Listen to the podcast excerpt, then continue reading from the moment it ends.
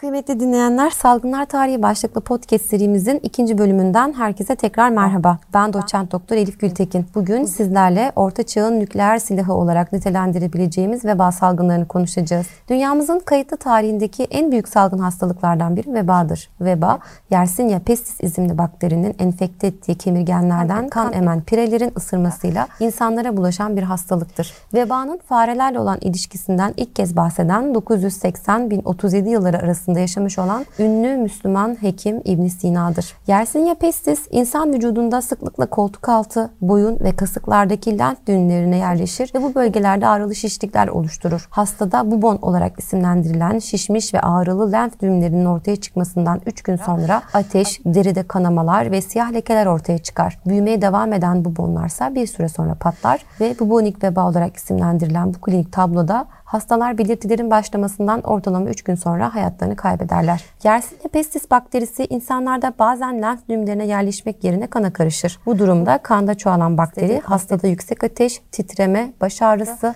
halsizlik ve ölümle neticelenen yoğun bir kanama ortaya çıkarır. Vebanın bu şekli semik veba olarak isimlendirilmektedir. Bazense bakteri kan dolaşımıyla akciğere ulaşarak zatürreye yol açmaktadır. Akciğer vebası olarak isimlendirilen bu tabloda hastalar içinde canlı bakterilerin olduğu sulu veya kanlı balgam çıkarırlar ve genellikle 24 saat içinde hayatlarını kaybederler. Akciğer vebası solunum yoluyla bulaşabildiğinden vebanın insandan insana bulaşan tek türüdür. Tarihte bilinen ilk büyük veba salgını milattan sonra 6. yüzyılda yaşanan ve özellikle Bizans, Sasani coğrafyası ile Akdeniz havzasını etkileyen Justinian vebasıdır. Roma İmparatoru Justinian döneminde yaşanan bu büyük salgın sırasında Batı Avrupa nüfusunun yarısı yok olmuş, şehirler ihtişamını kaybetmiş, feodalizm güçlenmiştir. Kilise daha kaderci bir yaklaşıma geçmiş, bu da bilimlerin gerilemesine yol açmıştır.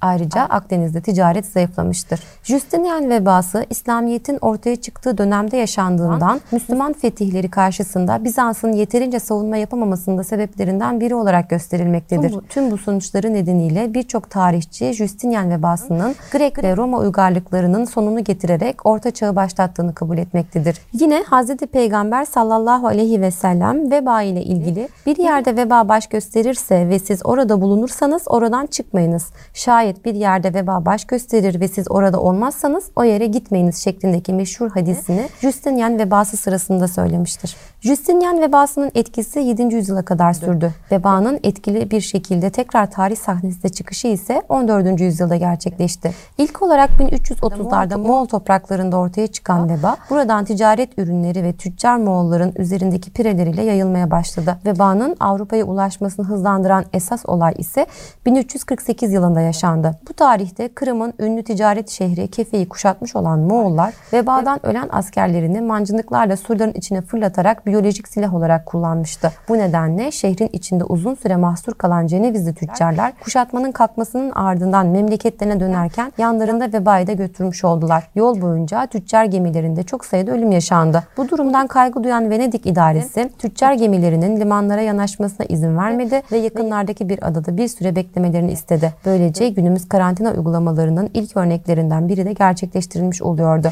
Ne var ki gemilerdeki fareler karantina kurallarını tanımıyordu. Gemilerden çıkıp şehrin içine karışan fareler vebanın Avrupa'da yayılmasını kolaylaştırdı. Avrupa şehirleri ülkelerinde ise vebanın yayılması için şartlar oldukça müsaitti. Orta Çağ boyunca hüküm süren yumuşak iklim neticesinde tarımsal faaliyetler bir süre için artmıştı. Tarım ürünlerinin artması ise nüfusun artmasıyla sonuçlanmıştı.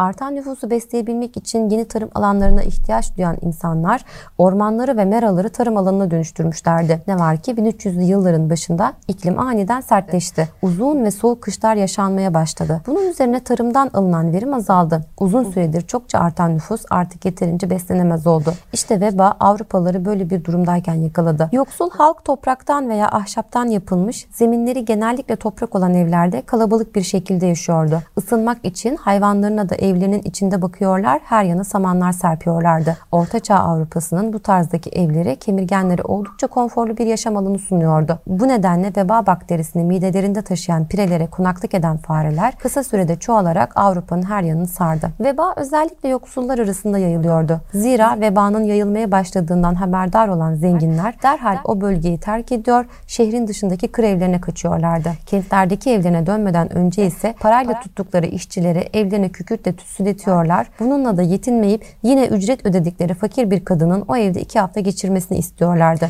Kadının evde ikamet ettiği süre içinde hayatını kaybetmemesi halinde tehlikenin geçtiğine kanaat getirerek evlerine geri dönüyorlardı. Salgının neden ve nasıl ortaya çıktığını kimse bilmiyordu ancak herkes bir sorumlu arayışı içindeydi. Salgının sorumlusu olarak ilk önce Yahudiler belirlendi. Halk Yahudileri kuyu sularını zehirlemek ve havayı kirletmekle suçluyordu. Yahudiler her yerde yakalanıp yakılmaya başlandı. Kaçmayı başaranlar Rusya ve Polonya'ya sığınarak hayatlarını kurtardı. 1351 yılına gelindiğinde Avrupa'da neredeyse hiç Yahudi kalmamıştı. Öte yandan Avrupalıların önemli bir kısmı veba salgınlarının ilahi kaynaklı olduğuna inanıyordu. Tanrı insanların günahları yüzünden dünyayı bu ani ölümle cezalandırmıştı. Orta çağın aynı zamanda astrolog olan tabipleri yıldızlara bakarak Tanrı'nın takdiri olan kötü hava ve buharların Mars ve Jüpiter'in yanlış dizilişinin bir sonucu olduğuna karar vermişlerdi.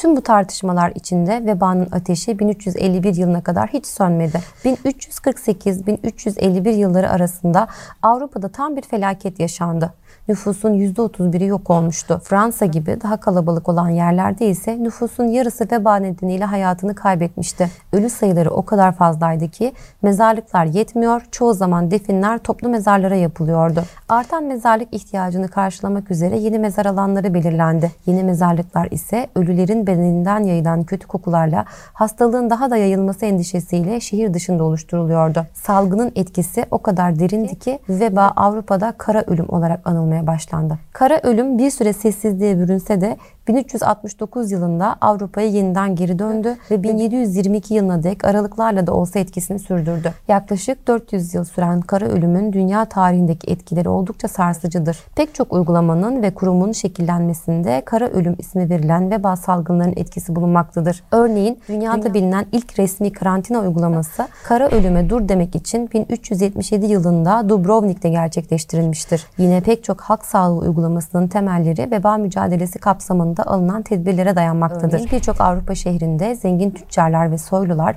hastalıktan korunmak için belediye hekimleri, ölü gömücüler, mezar kazıcıları ve ev bekçileri, tütsücüler gibi üyelerden oluşan sağlık heyetleri kurmuşlardır. Bu heyetler aracılığıyla veba mücadelesi amacıyla atılmasına karar verilen adımların hayata geçirilmesi sağlanıyordu. Şehirlerde çöp toplama, pazarlarda satılan etlerin denetlenmesi bu tedbirlerden bazılarıydı. Sokakların temizlenmesi için sokaklarda portakal yaprakları, kafur ve ada çayı yakılıyordu. Öte yandan yine zenginlerin mali desteği ile veba evleri açılarak veba hastalarının toplumdan tecrit edilmesi sağlanıyordu. Gelişen hak sağlığı tedbirleri vebayı geriletti ama uzunca bir süre yok edemedi.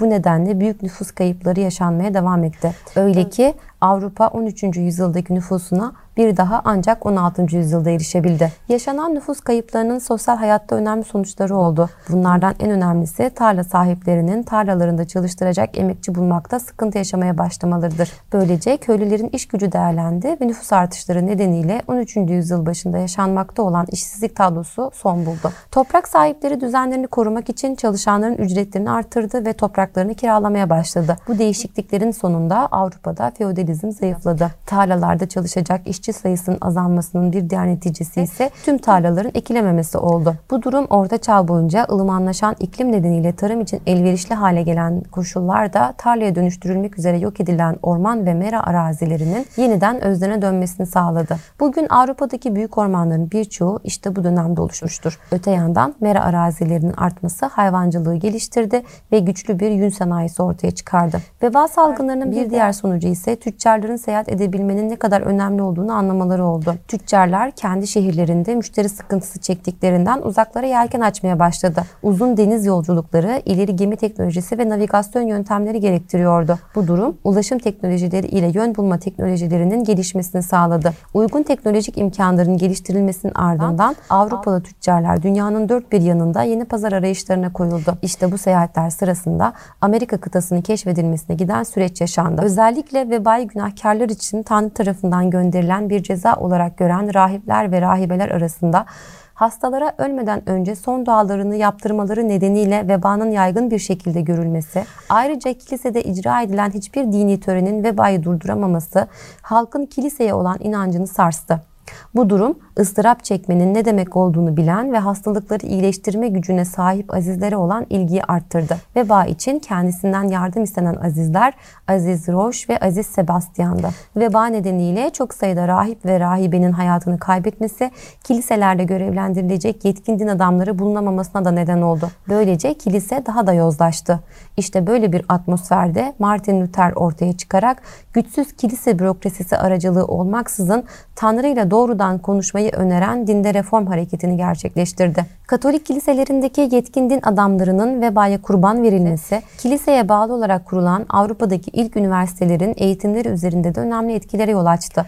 O döneme kadar eğitim dili Latince olan Avrupa üniversitelerinde Latince bilen kilise menşeili eğitimcilerin sayısı yetersiz kaldığından yerel dillerde eğitime geçildi. Böylece üniversite eğitimi Latince bilen bir grup seçkin insanın tek elinden kurtularak sıradan insanların da erişebileceği bir duruma geldi. Kara ölüm olarak isimlendirilen ve yaklaşık 400 yıl kadar aralıklarla süren veba salgınları 1722 yılında etkisini kaybetmeye başladı. Veba salgınlarının durmasında en etkili adım toprak ve ahşap evler nedeniyle yaşanan büyük yangınları durdurmak için tuğla evlerin tercih edilmeye başlanması oldu. Yeni yapılan tuğladan evler farelerin yaşaması için artık uygun değildi. Böylece vebanın hızı bir süreliğine kesilmiş oldu. 19. yüzyılın ünlü salgın bilimcisi William Farr'ın söylediği gibi yaşam koşullarının gerek gerektirdiği anda eski salgının yerine yeni bir salgın aldı. Vebanın etkileri nedeniyle Avrupa'da artan hayvancılık ve yün üretimi bitlerin yaşamasına uygun bir alan oluşturmuştu. Böylece veba yerini bir süreliğine tifüs salgınlarına bıraktı. Ancak 1860 yılında veba yeniden tarih sahnesine çıktı ve ilk olarak Çin'de büyük salgınlar yaşandı. Veba bu kez buharlı gemiler ve demir yolları ile hızlanan ulaşım ağları sayesinde kara ölümden çok daha hızlı bir şekilde tüm dünyaya yayıldı. 19. yüzyılın sonunda veba etkininin bulunması ve 20. yüzyılda antibiyotiklerin geliştirilmesi sayesinde eski önemini kaybetmiş olsa da veba hala dünyanın bazı yerlerinde bölgesel salgınlara yol açmaktadır. Kıymetli dinleyenler, vebanın serüvenini ilginizi çektiyse ve konu hakkında daha ayrıntılı bilgi edinmek isterseniz Daniel Defoe'nun Veba Yılı Günlüğü, Albert Camus'un Veba kitaplarını okuyabilirsiniz. Vebanın Osmanlı Devleti'ndeki serüvenini konu alan çok önemli eserlerden biri ise Nüket Varlığı'nın kaleme aldığı Akdeniz Dünyası'nda ve Osmanlılar'da Veba isimli kitabıdır. Yeni bir podcast'te görüşmek dileğiyle sağlıklı günler dileriz.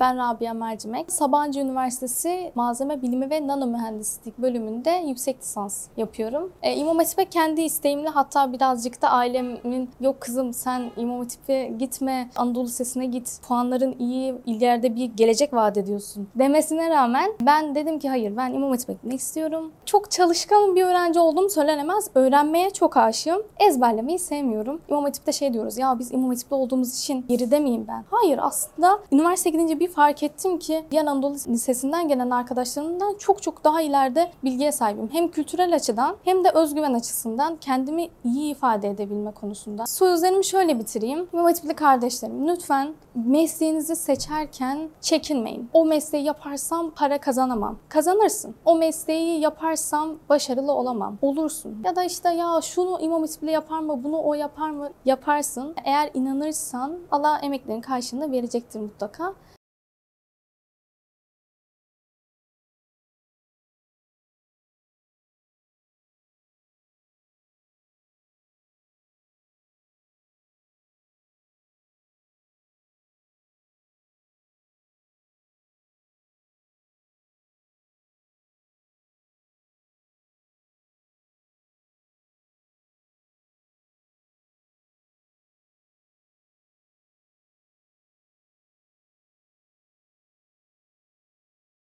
Ben Muhammed Ali Çiçek. Koç Üniversitesi Hukuk Fakültesi ve Uluslararası İlişkiler Bölümü öğrencisiyim. Hamdolsun akademik eğitimime güzel bir şekilde devam ediyorum ama eğitim hayatıma şöyle geriye doğru baktığım zaman aklımda kalanlar hep dostlarımla, abilerimle ettiğim muhabbet. Hatta hiç unutmam ilk gün babam beni İmam Hatip Lisesi'nde yurda yerleştirdi. Aradan bir iki saat geçti geçmedi dedi ki biz artık gidelim. Tabii araba gitti. Ben arkasından böyle bir yaş dökerek bakmaya başladım. Sonra o sırada bir abi geldi. Benim kolumdan tuttu. Beni yemeğe götürdü. Hiç tanımadığım bir abi. Güzelce gittik. Muhabbet ettik. Beni gözlerimin içine bakarak dinledi. Aradan 7-8 sene geçti ve ben hala başım sıkıştığında o abiyi ararım. Ve o abi hala aynı heyecanla benim bütün sorularıma cevap verir. Bu abi kardeşlik ilişkisiyle beraber de ben okulun aslında sadece derslerden ibaret olmadığını anladım. Ve insanın yalnız bir varlık olmadığını, mutlaka başka insanlara muhtaç olduğunu anladım. Eğer hayatta mutluluğun tarifini vermek gerekirse mutlaka bir insana dokunmak olduğunu söylesem yanlış olmaz.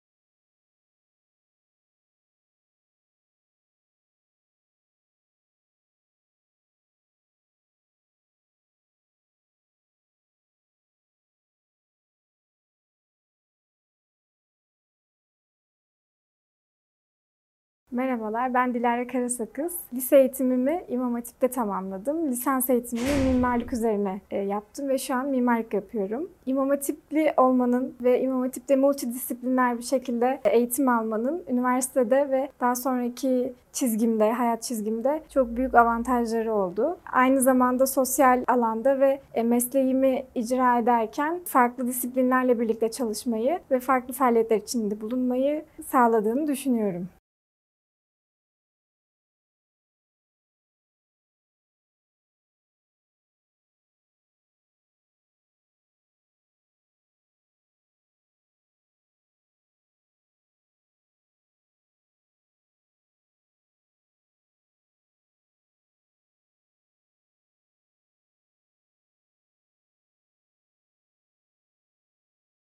Merhaba, ben Reşite Lokmacı. Eyüp Kız Anadolu İmam Hatip Lisesi mezunuyum. Ee, şu an antrenörlük bölümü öğrencisiyim. Ve lise yıllarımda spora olan ilgimi fark ettim. 3 yıllık bir kickbox geçmişim var ve bunun tohumlarını aslında İmam Hatip yıllarımda attım. Daha sonrasında e, bunu profesyonel anlama dökmek için şu anda antrenörlük bölümü okuyorum. Ve herkesin sporu hayatına kazandırması gerektiğini düşünüyorum.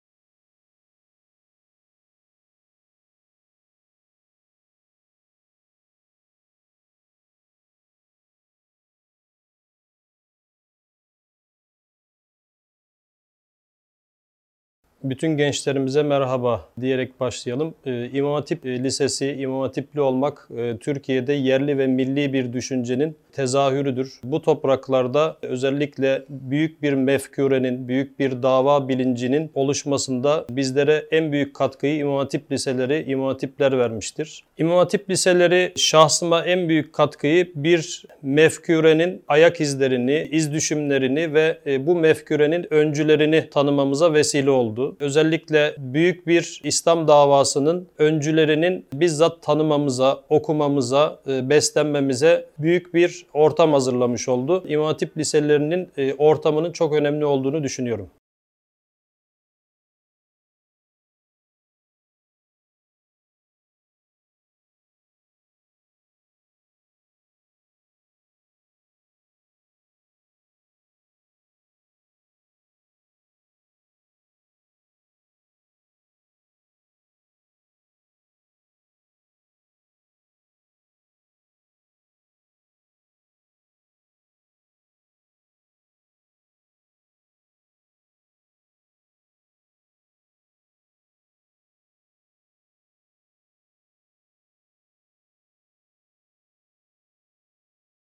Merhaba, ben Büşra Kasap. Osman Gazi Anadolu İmam Hatip Lisesi'nden mezunum. Şu an İstanbul Üniversitesi'nde spor yöneticiliği bölümü öğrencisiyim. Sporculuk hayatıma fitnessla başlayıp sonrasında kickboksa yöneldim. İmam Hatip'te kazandığım bu bilinci hem sosyal hayatımda hem de profesyonel spor hayatımda uygulamaya çalışıyorum. Tüm insanların özellikle Müslüman toplumların sporu hayatlarının merkezine koymaları gerektiğini düşünüyorum.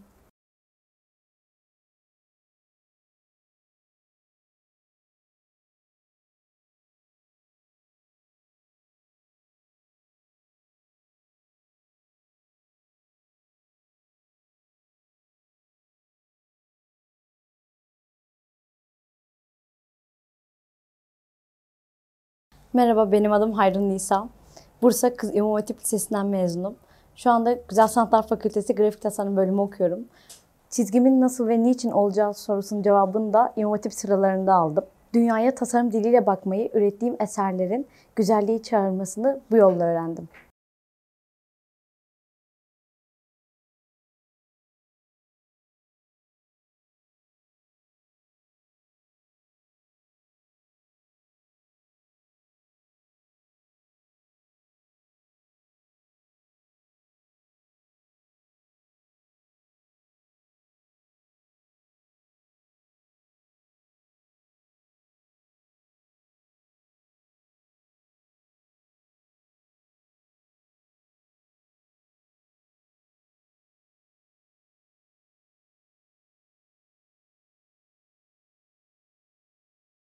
Merhaba ben Emine. Nilüfer İmam mezunuyum. Sağlık Bilimleri Üniversitesi'nde beslenme ve diyetetik okuyorum. Sağlık alanında bir şeyler yapmaya lise yıllarında karar vermiştim aslında. Çünkü lise sıralarında aldığım mesleki dersler bana insanlara hizmet etmenin önemini anlatmıştı. Tercihim bu yönde oldu. İmam Hatip'te kazandığım bu bilinci hayatımın her noktasında taşımayı hedefliyorum.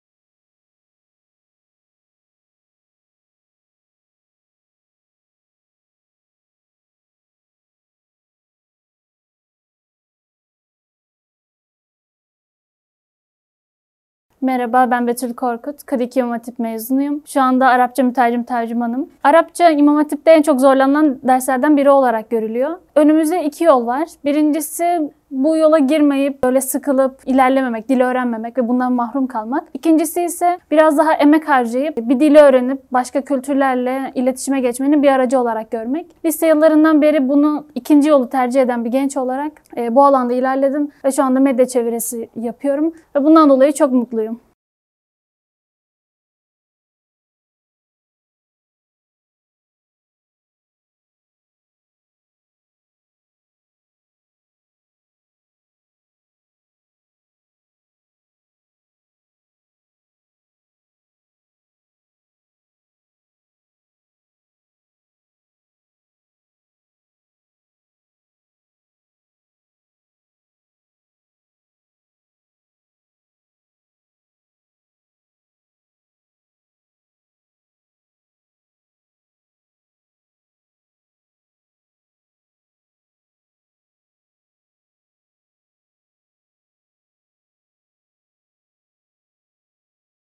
Benim İmam seçmem tamamen benim dışındaki sebeplerden gerçekleşti. Fakat hani İmam seçtiğim için şu an geçmişe dönük baktığımda çok büyük bir mutluluk duyuyorum. Çünkü hem benim pozitif ilimlerde mesafe almam için ciddi bir manevi bir değer oluşturdu. Ben bilgisayar mühendisliği okudum. Yüksek lisans yaptım. Kendi işimi yapıyorum. Yazılım yapıyorum. Dolayısıyla burada başarılı bir e, profil çiziyorsam burada İmam o lise ve ortaokul zamanında almış olduğum formasyonun çok büyük bir etkisi var. Oradaki motivasyon bana bütün hayatım boyunca e, katkı sağladı. Diğer liselerle aynı seviyede pozitif ilimleri görebiliyorlar. Aynı seviyede diğer dersleri de görebiliyorlar. Artı üzerine belki diğer liselerde hiç karşılaşmayacakları farklı derslerle, farklı e, değişik ilişkilerle hayatlarını zenginleştirme şansına sahipler. Dolayısıyla İmam Hatip Lisesi'ni okuyan birisi doktor da olabilir, e, mühendis de olabilir, avukat da olabilir, gazeteci de olabilir. İyi bir İslami ilimleri e, bitirip iyi bir hoca da olabilir.